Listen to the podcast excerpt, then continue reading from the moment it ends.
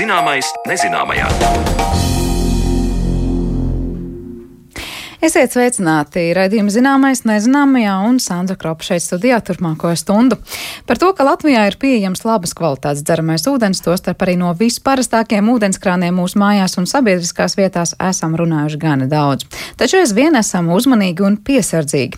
Kāpēc tā? Atbildes mēs šodien meklēsim raidījuma otrajā daļā, kad runāsim par to, kādas attieksmes un stereotipi sabiedrībā veidojas par ūdeni, kas to ietekmē un kā attieksme pret ūdeni ietekmē mūsu vēstures un kultūras izpratni. Taču pirms tam stāsts par to, cik daudz ūdens ir mūsos pašos. Kāpēc Latvijā, kur dzeramais ūdens ūdenskrānos mums ir labas kvalitātes, joprojām mēs daudz patērējam to pērkot pudelēs, mēs runāsim raidījumu otrajā daļā un jau pavisam drīz, taču līdz tam stāsts no mūsu arhīvu krājumiem par to, cik tad daudz ūdens ir mūsos pašos. Ūdens aizņem lielāko daļu cilvēku organismu, un mana kolēģi Zana Lācis skaidro devās, cik daudz mūsos ir ūdens un kā tas darbina cilvēka organismu. Ir dzirdēts apgalvojums, ka cilvēks ir kā staigājošs ūdens maiss. Tomēr, manuprāt, cienīgāk skan beļģu anatoma Andrijas Vezālija pirms aptuveni 500 gadiem dotais nosaukums - cilvēka ķermeņa fabrika. Tā saucas viņa sarakstītā grāmata par mūsu ķermeņa uzbūvi. Un, ja mēs šādi skatāmies uz mūsu organismu, kurā visas detaļas un mašīnas nemitīgi darbojas, tad redzam, ka bez ūdens tur nekas nefunkcionētu. Lūk, kā izskatās skaitļos ūdens cilvēka organismā. Asinīs tas ir 5 līdz 6 litri, limfā 2 līdz 3 litri, urīnā 1 līdz 1,5 litriem, žults 70 ml, siekalas puslitrs, sviedri 200 ml un vēl daudzi citi iekšējie sekrēti, kas mūsos ir šķidrā veidā kur un kādā sastāvā cilvēka ķermenī ir ūdens, to skaidro endokrinoloģe Rīgas Stradiņu universitātes asociētā profesore Ilze Konrāde. Visur pamatā ir ūdens. Ja mēs ņemam asins plazmu, tad asins plazmu kā tādu veido apmēram 85-95% ūdens. Un tad ir iekšā viss šīs ļoti, ļoti mazā proporcijā ir šie vitamīni, hormoni, minerāli un tā tālāk. Bet ūdens ir tas lielais dzīvības šķīdinātājs, kas tad ļauj tam visam cirkulēt pa organismu. Tad no asinīm lielākā daļa ir ūdens, un kāpēc asins ir sarkanās? Sarkans, tie ir sarkanie asins ķermenīši, jeb eritrocīti, kas dod šim ūdenim to krāsu. Tieši tā, asins veidot asins sarkanie ķermenīši un asins plazma. Asins sarkanie ķermenīši dod asins sarkano krāsu, un tā tad arteriālās asins ir gaišāks, venozās ir tumšāks, jo ir atdots skābeklis, un tā tad asins plazma, kuras pamats tad ir tas ūdens minētais, ir tas baseins, tā plūsma, kas viņu nes pa organismu. Un tālāk jau no asinīm veidojās arī limfa. Un, protams, ūdens tas ir arī viss. Tās arī ir siekals, tās ir mūsu gremošanas sulas, tie ir sviedri, tas ir urīns, tā ir žults, tā tad maksts un spermas un tā tālāk. Tad mums faktiski ir ļoti, ļoti daudz šīs šķidrās vidas mūsos. Urīnskābe, amoniaks, aminoskābes, holesterīns un minerāli ir vien niecīgi 2%, kas ir mūsu sviedru sastāvā. Pārējie 98% ir ūdens, kas caur rādu nonāk ķermeņa virspusē un iegūst katram cilvēkam atkarībā no viņa veselības stāvokļa un ēšanas paradumiem savu raksturīgo aromātu. Šeit visiem no mums ir jāatcerās mazliet bioloģija. Atcerieties, ka viss oksidējās. Un būtībā gan mūsu svars, gan arī šūnās notiek šie oksidatīvie procesi. Un, piemēram, ja jūs sadedzināt fiskultūras zālē vai ar diētu apmēram 100 gramus tauku, jūs dabūnat 107 ml ūdens.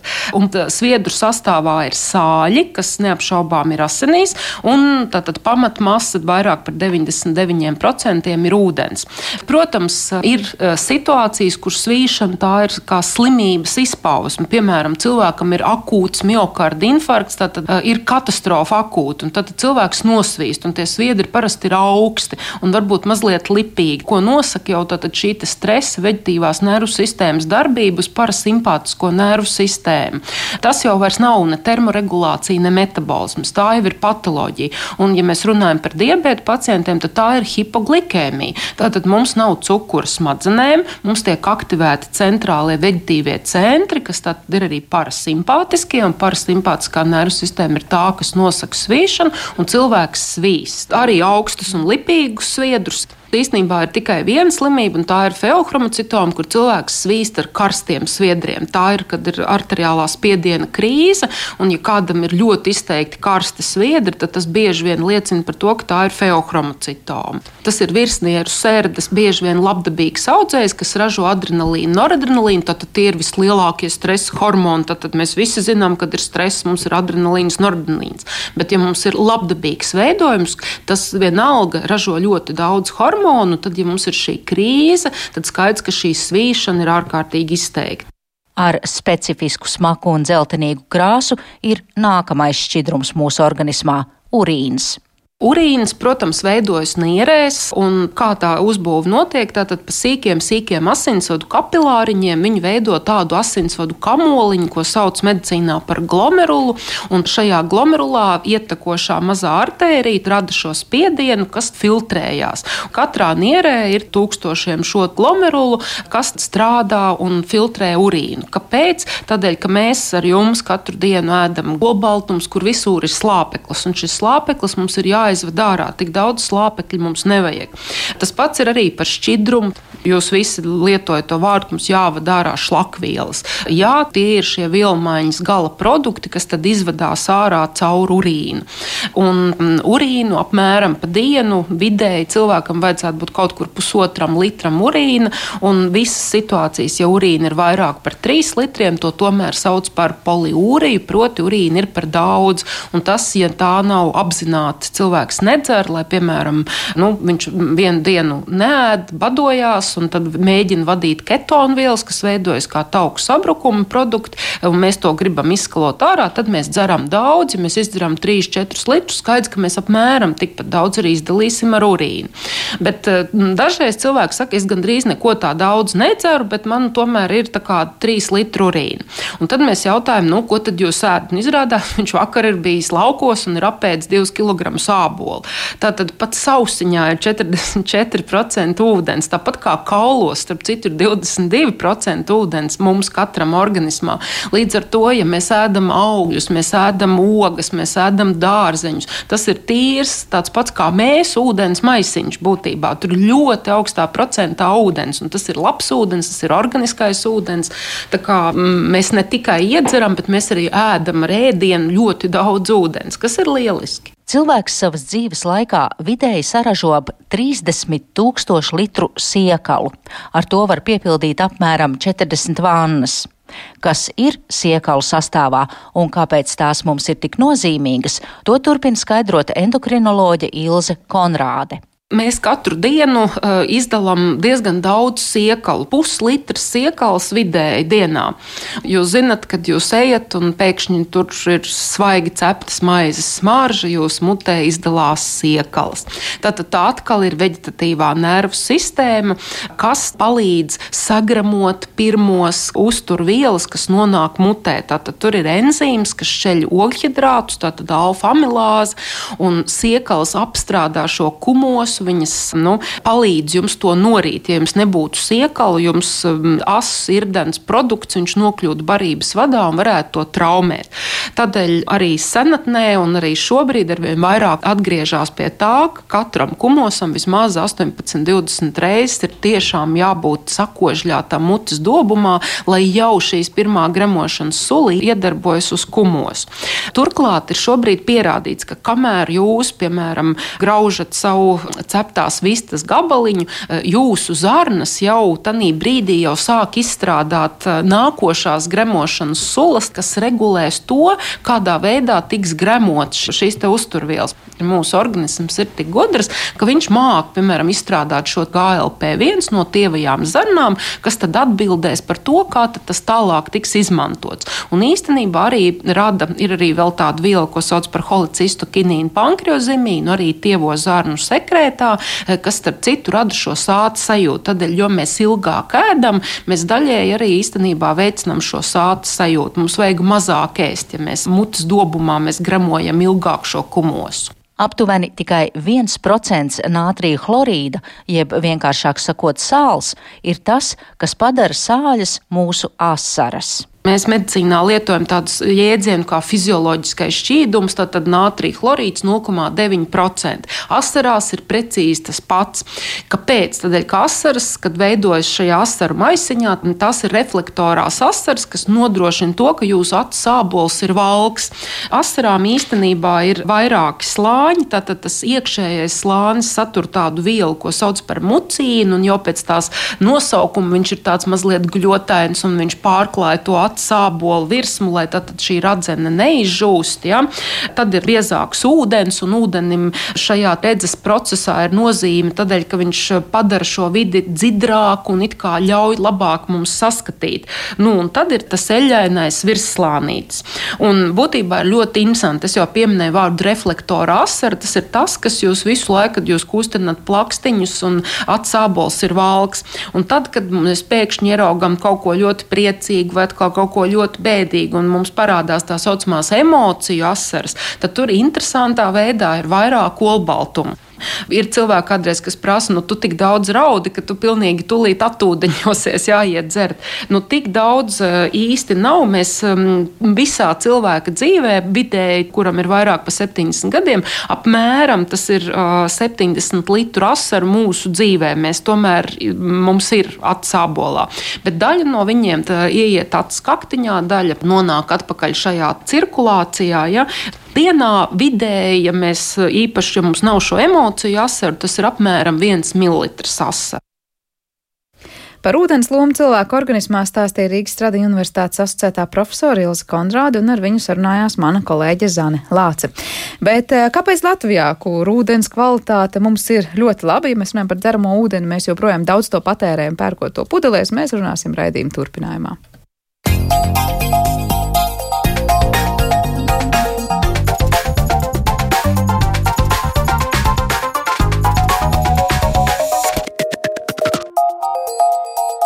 Zināmais nezināmajā. Zinātnieki jau ilgstoši ir pētījuši dzeramo ūdeni Rīgā un citur Latvijā, un ar vien tiek secināts, ka mums kopumā ir pieejams labas kvalitātes ūdens arī no krāna. Tomēr ne visi tam piekrīt, un kāda tad ir Latvijas iedzīvotāja dzeramā ūdens lietošanas paradumi un kāpēc un kādi aizspriedumi par to dominē?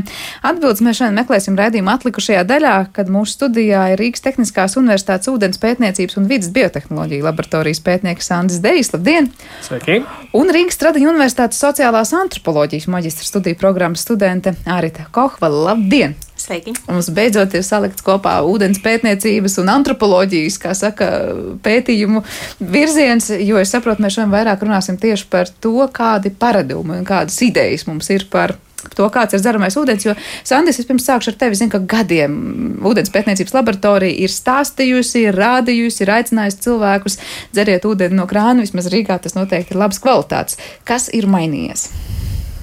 Mainījies. Nav nekas ūdens aizvien ir labas kvalitātes, un eh, mēs, kā, kā minēju, tad jau ilglaicīgi mēģinām cilvēkiem dot, ziņot šo vēstu, ka krānā ūdens ir atbilstošs kvalitātes, drošs un arī garšīgs lielākoties gadījumos. Un, eh, lai mēs tā, izzinātu savu pretinieku, jeb šo slikto domu, kas cilvēku galvās mīt, tad mēs uh, meklējām variantus, kā to uzzināt. Un viens no variantiem ir caur antropoloģiju saprast cilvēku domas par kaut kādām lietām, un notikumiem un procesiem. Un viena no šīm lietām, kas mums likās aktuāli izzināt, ir dzeramais ūdens, tā lietošanas paradumi un, iespējams, kaut kāda aizspriedumi vai e, domas par un ap dzeramu ūdeni krānā, kāpēc cilvēki to gana bieži nelieto. Jo, kā jau minēju, un kā mēs jau gadus, nezinu, desmit varētu būt, kad stāstam, tad Latvijā ūdens ir e, izcils kvalitātes, drošs lietošanai. E, reizēm atkāpes ir. Eh, kad ūdens garšo varbūt pēc dzelzs, bet nu, tas ir normāls ūdens apgādes sistēmas process, par ko ir runāts gan daudz un gan bieži. Eh, bet, eh, jā, nesam sapratuši, kā pārliecināt šos cilvēkus, kas varbūt nav pagaršojuši nemaz šo krānu ūdens jau gadu desmitiem ilgi. Tāda arī pieredze ir. Ja? Ir gan bieži tādi, veicot publiskos pasākumos, dažādas uh, uzstāšanās un, un, un veicot stāstus par un ap ūdeni, tad uzdodot jautājumu cilvēkiem, kas saka, ka krāna ūdens nav garšīgs, kad jūs pēdējais pagaršojāt, tad gana bieži skan atbilde 98. gadā vai 2003. Bet kopš tā laika ļoti, ļoti daudz lietas ir mainījušās, ir būtiski uzlabotas ūdensapgādes sistēmas, ir teiksim, gan arī pilnībā nomainītas ūdens sagatavošanas iekārtas visā Latvijā, un ūdens kvalitāte ir ļoti uzlabojusies. Tā nevienā no gadījumiem neapdraud ne cilvēku veselību, ne dzīvību. Līdz ar to ūdens ir absolūti drošs. Jebkurā krānā, ūdens... kas ir centralizētā sistēmā kā ūdens teikt, attīrīšanas sistēmas un vispār veids, kā to dara, ir gājuši lieliem soļiem uz priekšu, bet mēs esam savā domāšanā tikuši līdz tikpat lieliem soļiem. Nu, esam aizķērušies dažādās atmiņās un iespējams mītos un leģendās. Paradumos. Arī tā, kas notiek no sociāla antropoloģijas puses, saprot, kā sociālai antropologi tiek piesaistīti, lai saprastu, kā tas Sants tikko teica, nu, kas tajā cilvēku galvā notiek un kā mēs domājam, kādus lēmumus pieņemam. Ir kaut kādas īpašas aptaujas vai pētījumi, kas šobrīd šajā jomā tiek veikti? Um, šobrīd es veicu savu maģistra darbu. Es esmu veicis pētījumu. Uh, attiecīgi, četru mēnešu laikā esmu uh, veidu, rakstījis pats savu autobiogrāfiju un ap, uh, intervējis padziļināti 21 cilvēku attiecībā uz ūdens lietošanas paradumiem. Šīs maģistra darbs ir izaudzis no tā kopējā pētījuma, kas mums bija kopā ar RTU, par ko man ļoti liels prieks un liels paldies, jo viņi ir raisījuši tiešām arī manu interesi par šo tēmu un, un, un vēlmi apskatīt, kādi tad ir šie aizspriedumi par to, kā mēs izvērtējam ūdeni un ūdens kvalitāti. Jo cilvēki savos, tas, tas mans darbs ir par to, ka cilvēki savos, um, uh, savos uh, vērtējumos uzsver to, ka viņi šo ūdeni. Uh, izvērtē sensori, bet patiesībā uh, tur arī būtiska nozīme ir dažādiem so, sociāli kultūrāliem aspektiem. Tad viņi saka, ka viņi sagaršo, sasmaržo, bet patiesībā tā nav? Uh, ir, bet šī sasmažošana un sagaršošana tur apakšā arī ir sociāli aspekti, iemācīti aspekti, kultūrāli aspekti. Līdz ar to, piemēram, tas, kā cilvēki uztver tehnoloģiju, caur kuru šis ūdens tiek mediēts. Attiecīgi, piemēram, viena no tādām lietām, kas par ko cilvēki pat neaizdomājās, iespējams, ir tas, ka viņi jau tikai redz šo te, uh, tehnoloģijas vienu pusi. Tas, kā ūdens uh, tiek uh, nogādāts viņa mājā. Vai tas tiek nogādāts caur krānu vai caur uh, pudeli, un tas, ko viņi neredz, kas ir, kas ir šis te tehnoloģija no sākuma, no šī ūdens avota līdz pat viņa mājām. Un kā Sandis minēja, ka ir daudz cilvēku, kas nav pat pagaršojuši uz, šo ūdeni, un viņi uzskata, ka ūdens nav garšīgs. Tas ir tā, pa, tas, kas parādās manā pētījumā, ka cilvēki nav redzējuši šo nomaiņu, ka viņi vizuāli neredz, kā šī sistēma ir nomainījusies. Tādā ziņā, ka laika gaitā tas, kas bija 80. un 90. gados, ir pilnīgi diena pret nakti, tāda kā tā ir šobrīd. Par to ir stāsts. Kā tas ūdens tiek sagatavots? Jā? Nu, lai nonāktu līdz cilvēkiem. Lielākoties nav redzējuši tā krānu, jau vai otro galu. Viņi, tas krāns varbūt ir saglabājies tas pats, līdz ar to tai garšai vajadzētu būt saglabājušies tai pašai, bet tomēr otrajā galā, kur ir ūdens sagatavošanas iekārtas, viss process ir mainījies. Un, kā arī teica, tad, diemžēl, cilvēki nav saredzējuši šīs izmaiņas. Vai, mēs, kā ūdensapgādes uzņēmumi, neesam viņiem tās pastāstījuši. Bet it kā liekas, par to ir tik daudz runāts, par to ir tik daudz stāstīts, par to ir tik daudz rādīts. Ja? Nu, liekas, kā vēl uzrunāt tos cilvēkus? Nu, redz, es varu uh, minēt, kā tas ir piemēram ar, pude, ar, ar pudelēm un citu veidu tehnoloģijām. Tās jau cilvēki vizuāli redz. Jo, piemēram, viņš redz, ka viņam lūk, re, kur ir uh, jauns automāts, uh, tā, tā ir jauna tehnoloģija, caur kuru ūdens tiek pasniegts. Uh, iespējams, ka tas uh, ūdenim uzreiz piedod kvalitāti, uzreiz maina viņa garšu, tas ir labāks cilvēks. Bet arī jau neredz to, kā tā ūdens eh, pudeļu sagatavošanas Jā, tehnoloģija ir līdz tieši tam. tā, bet, eh, bet viņš redz, ka te, eh, šī te tehnoloģija, caur kuru viņš redz, ka ir nomainījies tas veids, kā viņam šo ūdeni iedot.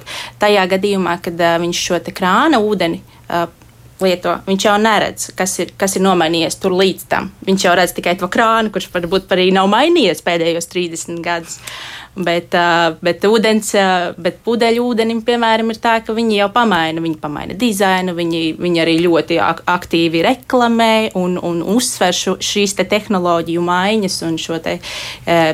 Ka tur, tur ir izmaiņas un ka tas ka tur ka tādā veidā. Nav tā, ka tomēr no, par labu pudeļu ūdenim vienmēr runās tas, ka cilvēkam mēdz būt slikta pieredze, piemēram, tie paši 90. vai citi gadi dzerot krānu ūdeni, vai arī šobrīd nu, ir atsevišķas vietas, kur varbūt ūdens vai nu pēc dzelzs piegarš ir vai, vai nu, kaut kādā veidā tiešām nu, nepatīk cilvēkam smarža un garša ūdenim, protams, smarža garša dažāda. Un viņam liekas, jā, tā ir mana pieredze, un es pat tālāk netaisos pārskatīt to savu pieredzi. Es pirkšu pudeļu ūdeni.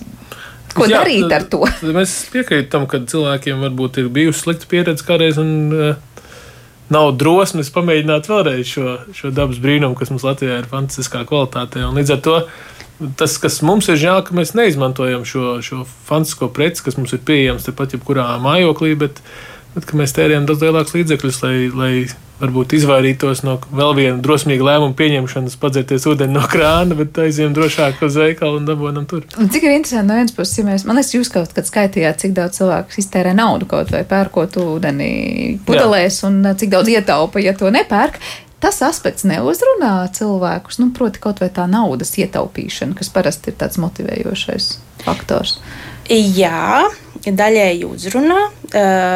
Tā auditorija, ko e, es apskatīju, tas tie cilvēki, ko es apskatīju, pārsvarā ir jaunieši, un uh, ekonomiskais faktors, protams, ir būtisks, bet tajā pašā laikā ir šie te, uh, iemācītie faktori, uh, kuru dēļ cilvēks pat ir ar mieru maksāt uh, vairāk, jo, jo ir, ir tas uzskats, ka jo ir tā gaida, ka šis ūdens būs labāks, garšīgāks, uh, attiecīgi, ka šī, šis. Uh, Garšas aspekts arī ir iemācīts. Principā. Kurā laikā iemācīts to garšas aspektu? Tas jau ir bērnībā, kādu ūdeni dzērām, vai ko mums precīzāk par to stāstīja būs no svara?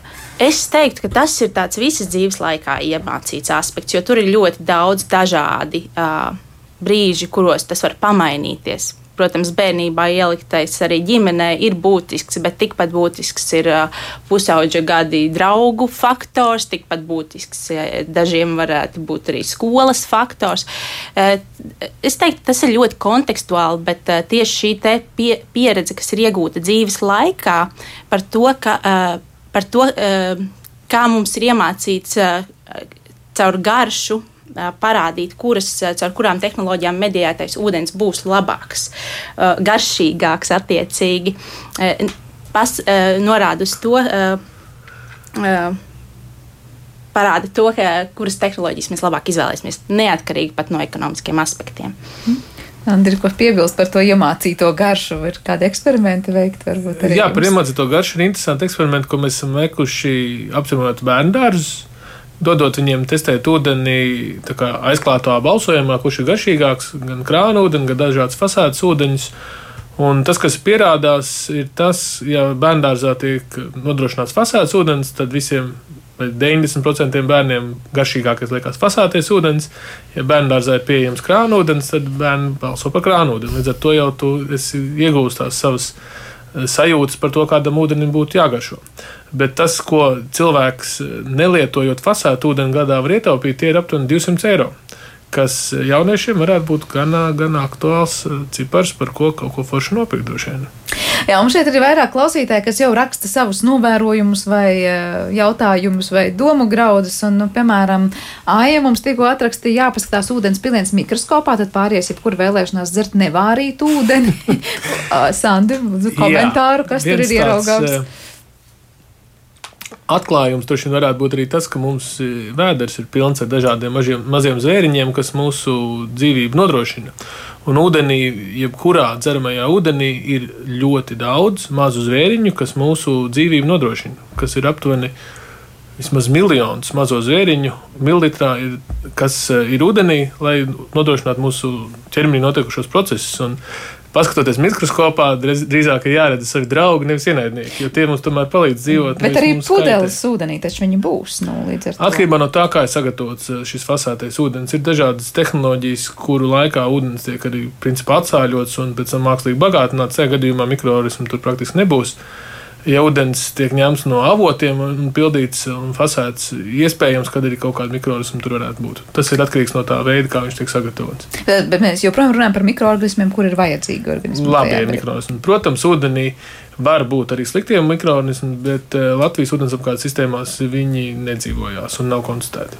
Uh, mēs runājam par Latvijas ūdensapgādes sistēmām tiešām visās pilsētās, mēs to varam teikt, vai mēs runājam par Rīgu un tur attīrīto ūdeni un tur sagatavoto ūdeni. Un... Praktiski mēs runājam par visām ūdensapgādes sistēmām Latvijā, kas ir centralizētas, jo uh, viens skaidrs fakts ir tas, ka Latvijā 50, pēdējo 30 gadu laikā ir precīzi viens gadījums, kad cilvēki ir ieguvuši veselības traucējumus, dzerot krānu ūdeni. Tas ir 2000. gadu, 2005. 6. gads apmēram Baskas novadā bija negadījums, kad uh, akā nokļuva ne, nevēlamas vietas no vielas no blakus esošās fermas, bet tas ir vienīgais gadījums visos pēdējos 30 gados, kad kāds faktiski no ūdens iegūs vēdra graizes un neko vairāk. Bet tā, mēs varam teikt, ka regulāri notiek kaut kādas pārbaudas, kas skatās dienu no dienas, cik labas kvalitātes ūdens ir tādā konkrētajā Jā, sistēmā. Latvijā ūdens kvalitāte ūdensapgādes sistēmās tiek pārbaudīta atbilstoši gan Latvijas, gan Eiropas prasībām, kas ir būtībā identiskas un atkarībā no pilsētas izmēra. Šīs ūdens kvalitāte tiek pārbaudīta ikdienā. Un atkarībā no izmēra vairākās vai, vai vienā vietā. Rīgā tas notiek aptuveni, ja nemaldos, ap 40 vietām, kur tiek ņemti paraugi. Tā kā tur mēs varam teikt, viss ir kārtībā. Jautājums tikai, kas notiek pašā pēdējā posmā, vai ne? Nu, piemēram, ja tur līdz ūdens krānam pēdējie kaut kādi metri, ir kaut kādas caurules, kas nebūs nomainītas vai labas kvalitātes, un cilvēkam var rasties iespējas, kā jūs man stāstat, ka ir labas kvalitātes dzeramais ūdens, bet man tur kaut kāda piegarša, piesmarža vai kaut kāda piejaukuma. Jā, bet. Uh, arī šie paraugi tiek ņemti iekšējos tīklos pie krāna būtībā. Viņos arī neparādās nekādu bīstamu organismu savienojumu. Tas, ka cilvēkiem reizēm var uh, likties ūdens negaršīgs, viens no priekšnosacījumiem, lai ūdens būtu garšīgs, ir dzert augsto ūdeni, jo tas ir dzeramais ūdens. Un noticināt ūdeni līdz patīkamai atspīdzinošai temperatūrai, ka viņš būs iegūst pavisam citu garšu nekā uh, Eh, ūdens, kas ir uzgriezts maisītājā uz remdena ūdeni, jo siltais ūdens tomēr nav dzeramais. Nav dzeramais, viņš nav bīstams, bet viņš nav kā dzeramais ūdens, un arī viņa garšas īpašības ir daudz savādākas nekā atspīdzinošam, svaigam, augstiem ūdenim, kas Rīgas gadījumā ir 12, 10, 12 grādu droši vien pie krāna, jo mēs pagaidām. Mm -hmm. Arī ir kaut kādi secinājumi, kāda ir cilvēka vispār, nu, ja tā teikt, ūdens dzeršanas paradumi vai tās prasmes, protams, nu, zināt, lūdzu, pirms jūs sakāt, ka nav garšīgs, varbūt jūs tiešām dzērāt remdenu ūdeni vai, vai nenoticinājāt kārtīgi to ūdeni. Ir sanācis pētīt, kā cilvēki dzer ūdeni attiecībā uz to ūdens temperatūru cilvēkam, eh, ja tas ir krāna ūdens, viņš neskatās, vai tas ūdens ir augsts vai silts. Viņam ir vai nu garšīgs vai negaršīgs. Principā. Viņš pat nepievērš uzmanību, cik viņš siltu ūdeni dzer no krāna. Viņš vienkārši, ja viņš uzskatīs, ka tas ūdens no krāna nāks negaršīgs, tad uh, viņš uzskatīs, ka tas ūdens ir negaršīgs. Ja viņš uzskatīs, ka ir garšīgs, viņam arī būs viena alga. Vai, nu, ne gluži viena alga, bet uh, viņš nepievērš šo uzmanību tam, uh, kādā tieši temperatūrā šo ūdeni viņš no krāna paņem. Uh, šeit mums ir klausītāji vēl jautājums, turpinot pieredzes stāstu. Ja tā var teikt, nu, Ilza, piemēram, raksta, ticu, ka mums Latvijā ir pieejams tīrs un kvalitatīvs ūdens, bet konkrēti Rīgā nav garšīgs. Tas gan garšo pēc chlora, un tas nav patīkami. Zinu, ka ir vietas, kur ir garšīgs krāna ūdens, piemēram, Tukumā, kur ilgu laiku dzīvoju, vienmēr ir bijis tiešām garšīgs krāna ūdens, un to ir novērojuši arī vienmēr man draugi no Rīgas jau pirms vairākiem gadiem. Tā kā nav īsti subjektīvi. Šobrīd ūdens Rīgā ir mazliet labāks garšu ziņā, bet joprojām tas ir negaršīgs. Un zinu, ka šāds uzskats ir daudziem, tāpēc tur cilvēki lieto filtru krūzes un visu pārējo. Es pieņemu, mēs vienmēr saskaramies ar to garšīgs, negaršīgs. Nu, piemēram, es, ne, es arī dzeru Rīgā no krāna ūdeni, un es pēc chlora noteikti nesagaršoju to jau vairākus. Es pat nezinu, cik gadus. Es neatceros, kad skaidrs pēc chlora sagaršo ūdeni. Šeit. Es, es, šeit ir divas, di, di, divi atbildes virzieni. Viens ir tas, ka viennozīmīgi katrā pilsētā un katrā ūdensapgādes sistēmā ūdens garšo savādāk, jo ir sāļu saturs dažāds. Un, lai gan avots lielākoties visur ir pazemts, bet tomēr tā garša ir savādāka. Un līdz ar to arī man personīgā pieredze pārvācoties no Liepājas dzīvot uz Rīgu bija tā, ka Rīgā man likās ūdens negaršīgs, jo Liepājā ūdens ir daudz sāļiem bagātāks, līdz ar to izteiksmīgāku garšu, un iespējams arī man bija savs gaidas, kādam tad ūdenim būtu jābūt, un sākumā Rīgā es to nevarēju lietot, bet šobrīd esmu diezgan veiksmīgi pie tā uh, pieredzi. Otrs ir par chloru. Uh, ja cilvēkiem ūdens garšo pēc chlora, tad laikam man tāds mazliet uzbrukošs jautājums allaži ir, kad viņi pēdējo reizi ir testējuši savus garšas kārpiņus, jo Latvijā ūdens pēc chlora nevar garšot. Ūdens tiek chlorēts Latvijā precīzi vienā vietā, kur, ūdens, kur šī chlora doza ūdenī ir tik zema, ka cilvēks viņu nevar sagaršot. Līdz ar to, ja kādam šķiet, ka ūdens pie krāna garšo pēc chlora, tad tās visticamākais ir vēsturiskas atmiņas par šo tēmu. Jo Bet ūdens pēc chlora var garšot divreiz gadā, kad eh, sistēmas ir jāchlorē, un tad iedzīvotāji tiek brīdināti, ka tas notiek. Iespējams, ja cilvēks izdomā veikt eksperimentu, beidzot attiecīgajā dienā trāpīs. tajā, tajā dienā pagaršo. Tad, saka, dosim eh, garšas skarpņam vēl vienu iespēju pagaršošanu citā dienā. Eh, Velta mums raksta, ko dod ūdenim sudrabs, kurš noturēts divas dienas, vai attīra, vai rodas vēl kādas pārmaiņas pašā ūdenī. Pieņem, ka šeit ir tās tautas metodas par to, ka jāiemet monētu un jānotur ūdenī. Nu, teorētiski sudrabs ir kā dezinfekants, bet eh, vai tas vēl kādā citā veidā palīdz ūdenim uzlabot garšas īpašības? Tādu pētījumu mēs neesam veikuši. Iespējams, kāds pasaulē kaut ko tādu ir darījis. Visticamākais, ka kaut kāda daļa no mikroorganismiem tajā brīdī, kamēr šis ūdens nostāvā šajā krūkā, nomirst vai tiek nogalināta, bet eh, vai tas kaut kā būtiski ietekmē kvalitāti, es laikam šaubu apšaubīt. Arī ir kādi pie, nezinu, interesanti novērojumi par to, kā cilvēki izmanto dažādas, nu, kaut vai vecmāmiņa teiktās tehnoloģijas, ūdens tur attīrīšanai, nostādināšanai, sudraba ielikšanai tajā. Un... Jā, bet gan ne uz dzeršanu attiecībā, uz, uz, uz uh, ūdens nostādināšanu augiem jaunie cil, jaunieši pārsvarā, ja viņiem mājās ir augi, viņi nostādina šo ūdeni bieži vien, un viņiem nav nojausmas, kādēļ tas ir jādara, jo vecmāmiņa vai mamma ir teikusi, ka tā ir jādara. Bet tā īsti tāda pamatojuma, kā, kā, kādēļ šis būtu jādara, viņiem atbildes uz šo pašiem nav. Tā ir tāda tā kā pārņemta tradīcija, principā, ka, ka ir Un tā ir spēcīga ja, tradīcija. Tā ir iesakņojusies. Un kāpēc jā. nav tikpat spēcīga iesakņojusies tradīcija nu, tad, uh, dzert no krāna ūdeni? Vai tas ir paraduma jautājums, laika jautājums? Es gribēju teikt, ka tas droši vien ir laika jautājums. Jā, jo šobrīd mēs esam daudz ko izmainījuši sistēmā. Šobrīd mums ir jāizmaina arī galvās. Jo vēsturiski jau mūsu iepriekšējās paudzes vecāki jau ir nav ikdienā droši vien lietojuši tādu pašu svaigu ūdeni no krāna, ir vārīts, ir vēl dažādas eh, interesantas metodas, kas pielietotas, lai ūdeni padarītu par dzeramu. Bet šobrīd mēs jau, jau caurļu vai otrā galā šo ūdeni padarām par dzeramu, tikai mums ir jāmaina arī galvās, tas, ka tas ūdens ir dzerams un, un drošs. Ilza, kas pirms brīža par chloru teica, tagad raksta, labi, varbūt tas nav chlors, bet kaut kas, kas, kam ir piegarš un ļoti atšķiras no priekšstata par garšīgu ūdeni. Yeah. Un viņi raksta, dzeram ūdeni taču no visām vietām, akām, avotiem un tā tālāk, bet krāna ūdeni pilnīgi ir, Rīgā ir piegarša. Un tā, starp citu, par tām avota un aku lietām gribēju vaicāt. Nu, ir tas priekšstats, ka kas gan var būt tīrāks un veselīgāks kā akas ūdens vai avota ūdens. Man pašai dažkārt liekas, es laikam vairāk uzticos tai, tam ūdenim, kas pa sistēmu man ir attīrīts un caurvadiem atnāca uz maniem, nekā, kad tur akā kaut kas varēja iekrist vai blakus kaut kas iepludināts. Kā tur ir ar tām akām un akas dzeramo ūdeni? No, no tehniskās puses, tad tas ūdens, kas jums atnāk mājās krānā, centralizētā sistēmā ikdienā tiek testēts un pārbaudīts. Savukārt tas ūdens, kas jums ir akā vai kur jūs aizbraucat uz avotu, to ūdens kvalitāti nevienam nav pienākums pārbaudīt.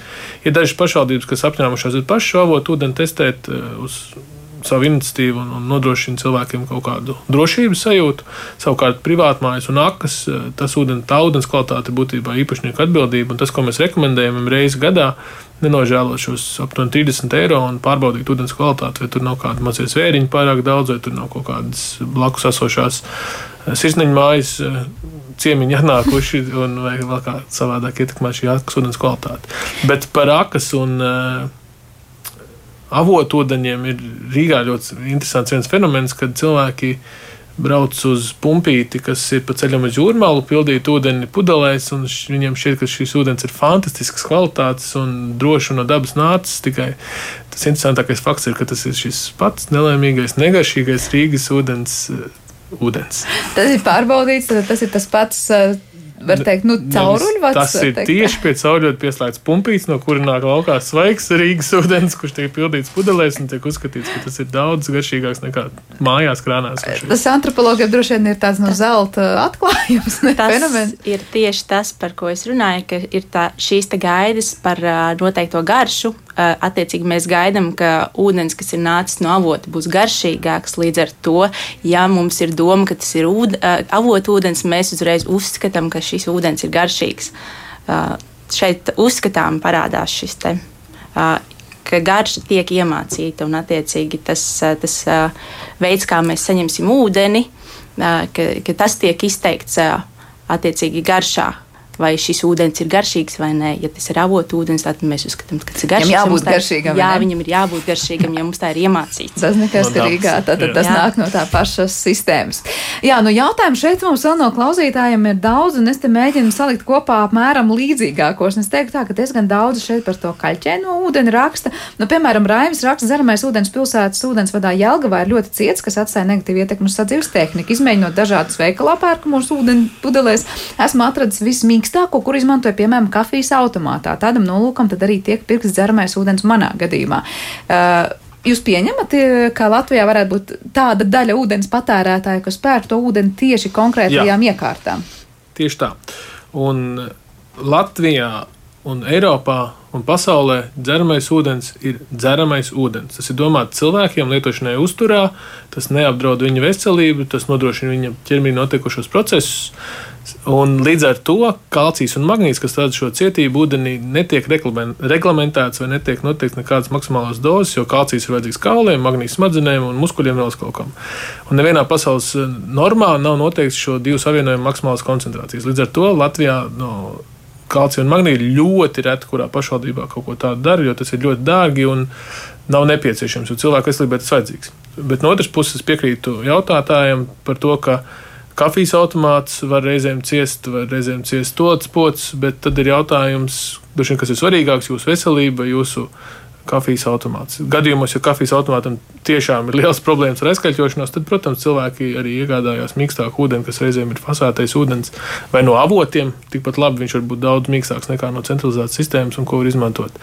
Jā, Dzintās arī jautāja, vai tā ir mūsu reģiona īpašība par to kaļķēnu, īpatnība par to kaļķēnu un dzelžēnu ūdeni. Jā, mūsu ģeoloģiski apstākļi ir tādi, ka mums pazemē ir daudz eh, dzelzceļa savienojumu un šī kalcija un magnīta. Līdz ar to tas ūdens mums ir relatīvi daudz cietāk bagātāks un arī ar dzelzi bagātāks. Par laimi mums nav nekādu citu dzīvībai un veselībai bīstamu savienojumu, kā tas ir kaimiņu valstīs, kas var būt fluors, kas lielās dozās ir neveselīgs, kas var būt smagie metāli, kas ir.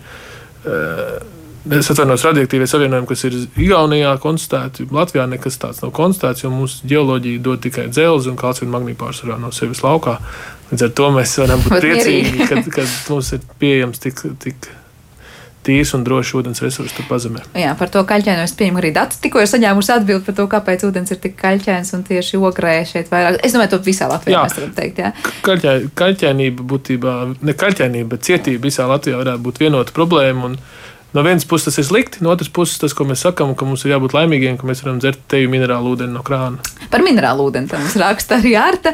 Jautājums par ūdeni, bet minerālu ūdens ir vērtīgāks nekā krāna, vai tomēr nē, tiešām nav svarīgi, cik tur minerālu vielu un cik nav. Laikam jānošķir, cik daudz dzersim vienu, cik daudz otru, un minerālu ūdeni būtu jādzer. Jā, taisnība, ja tas laiku. ir minerālu ūdens, minerālu ūdens, un viņš parasti maksā arī daudz dārgāk nekā vienkārši dzeramais ūdens veikalā. Uh, Tas ir daudz bagātāks ar dažādiem sāļiem un minerāļiem, bet te droši vien mums būtu jāpieslēdz kāds uzturs speciālists, ko mēs arī mūsu iniciatīvā U vitamīns darām, ka mums ir pieslēgti arī uzturs speciālisti, ka regulāra minerāla ūdens lietošana arī var būt kaitīga, jo ķermenis vienkārši pārdozē sāļus, tur var kauli sākt tur trupt vai kas tur notiek. Tas nemāk pateikt, bet vienmēr sakot, cilvēkam tas var nebūt pārāk labi. Līdz ar to arī minerāla ūdens lietošanu nevajadzētu pārforsēt. Tā kā šeit mēs runājam vairāk par to ūdens, dzeramā ūdens pirkšanu pudelēs, kas nav tas pats, kas minerāla ūdens, un ka tam ir tas aizsākums. Jā, kas ir Latvijā pierādījies, ka fasētais ūdens pēc kvalitātes lielākoties gadījumos ir tieši tas pats krānūdens vai pat mīkstāks, līdz ar to sāļiem trūcīgāks, līdz ar to cilvēkiem var būt netik ļoti veselīgs. Uh, Jānis šeit raksta, piemēram, Amerikā tas ir standarts, ka ūdeni, ūdens ir klorēts un pat visdārgākajos restorānos uz galda liek klorētu ūdeni. Nu, tā ir, ka citās valstīs aizbraucot tiešām liekas, nu, sagaršot to chloru ir. Ir pamats. Uh, nav tā, ka cilvēki tā kā vienojās, kas garšas ziņā ir pieņemams, kas nav pieņemams. Un, piemēram, tādā Amerikā vai Lielbritānijā tas klorētais ūdens nu, nu, tiešām liekas, ir pieņemamāks nekā pie mums, jo reiz, mēs šeit pat kloru īsti nav, bet dažkārt to sagaršojam. Jā, tas ir, ko mēs stāstām Latvijā cilvēkiem, ka mums ir jānovērtē, ka mēs varam dzert garšīgu ūdeni, kas negaršo pēc peldbaseina. Ir liela daļa pasaules valstu, kur tiešām ūdens tiek ļoti intensīvi chlorēts un arī garšo ļoti izteikti pēc chlora. Mums ir paveicies, ka mums tas nav jādara. Mūsu ģeoloģiskie apstākļi un ūdensapgādes sistēmas neprasa šo chlorēšanu, jo nera, tajās nerodās pateicīga vide mazo zvēriņu augšanai. Līdz ar to tā chlorēšana nav nepieciešama. Un tās jā, gaidas, kādam būtu jāgaršo ūdenim. Es pieļauju, ka šajās valstīs, kur ūdens garšo pēc chlora, cilvēki pie tā pieroda. Tomēr, piemēram, ASV pārdodākais dzēriens nav Coca-Cola. Pārdodākais dzēriens ir fasētais ūdens. Jo tomēr tas krāna ūdens, tas chlors, viņiem rada tās nepatīkamās sajūtas, un tāpēc viņi izvēlas fasētu ūdeni. Un fasēts ūdens ir fantastisks bizness. Jā, bet Latvijā mums par klorēto garšu nu, tiešām nu, vairumā gadījumu nav jāstrādā. Tas ir divas reizes gadā, kad iespējams esam bijuši tajā dienā klāt, ka to ūdeni tomēr pagaršojām. Eh, bet Anda raksta, vai ūdens kvalitāte ietekmē tas, ka ūdens līdz piederības robežai tiek padots pa svinu caurulēm, kur nomaiņa ir atkarīga no ūdens saimniecības uzņēmuma. Tad, proti, par caurulēm un svinu ir jautājums. Svina caurules vēsturiski ir bijušas, Latvijā ir nomainītas. Kaut gan pasaulē vēl aizvien ir valsts, piemēram, Lielbritānija, kur aptuveni 15% no cauļodiem ir svina, kas cilvēku veselībai nav pārāk vien draudzīgs. Tomēr viņi ir raduši dažādas risinājumus, kā šīs caurules var eksploatēt ilgtermiņā. Piemēram, tas, ko Lielbritānijā viņi ir izdarījuši, viņi ir mākslīgi izaudzējuši bioplēvi, jeb radījuši pateicīgu vidi maziem zvēriņiem, kas dzīvo šīs cauļodu virsmas no iekšpuses, par ko mēs bieži baidamies, ka cauļvadi ir aizauguši un netīri. Tad viņi ir speciāli viņus aizaudzējuši, lai šis svins nespētu izdalīties dzeramajā ūdenī, bet lai šie mazie zvēriņi pasargātu ūdeni no svina. Bet Latvijā svins ir nu, es nevaru teikt simtprocentīgi, bet es domāju, ka vairs nekur nav ūdensapgādes sistēmās, ārējos tīklos. Vairs, nu, tiešām nav, varbūt kādā iekšējā tīklā kaut kur ir aizķēries. Jā, nu skaidrs, mums ir virkni jautājumu un atbilžu, ko mēs varētu Santīm jautāt par to, kas ir mainījies pēdējos, es nezinu, pār desmit gados ūdensapgādes sistēmā un kāpēc mums tiešām nu, nav pamats sagaršot daudzas lietas, kuras varējām sagaršot pirms tiem 10 un 15 gadiem. Arī es ceru, ka pētījums ir jau finiša taisnē. Mēs drīz, var teikt, zināsim punktu pa punktam, kas ir tie paradumi un, un vājie, var teikt, klupšanas akmeņu punkti, kuros mēs varam teikt savus paradumus veidojam, kā dzert ūdeni un kāpēc dzert vai nedzert krānu ūdeni. Uh, jā, darbs, darbs jau iet uz otro pusi. Uh, top uh, vajadzētu būt, ka uz nodošanas laiks, kas decembrī būs gatavs. tā kā var teikt, paradumi tiek izpētīti slāni pa slānim, un vismaz nu, kaut kādas tās vadlīnijas ir skaidrs. Ja? Tad esam iemācīti bērnībā ļoti lielā mērā arī šobrīd vienkārši neredzam to sagatavošanas procesu, un tāpēc mums ir aizspriedums un varbūt vienkārši drosmi vairāk pamēģināt kaut ko jaunu. Arī jā, tieši tā arī, arī dažādas sociālās nozīmes, ko mēs piešķiram lietām un vietām, un, un, un tas arī ļoti ietekmē to, kā mēs redzam ūdeni. Nu, ko veiksim turpmākajos pētījumos un veiksim turpmākajos skaidrojumos. Ceru, ka būsim ar atsaucīgām ausīm un atvērtām sirdīm. Lielas paldies par šo sarunu Rīgas Tehniskās Universitātes ūdens pētniecības un vidas biotehnoloģiju laboratorijas pētnieks Andris Dejus un Rīgas Stradiņu Universitātes sociālās antropoloģijas maģistra studiju programmas studenta Arita Kokva. Šodien pie mums viesojās raidījuma zināmais nezināmajā studijā. Ar to arī raidījums ir izskanējis un par to parūpējās producents Armīta Kolāte, mūzikas redaktors Dzirds Bišs, skaņu režijā bija Katrīna Bramberga un studijā Sandra Kropa. Mēs tiekamies jau atkal rīt šajā pašā laikā. Vislabāk!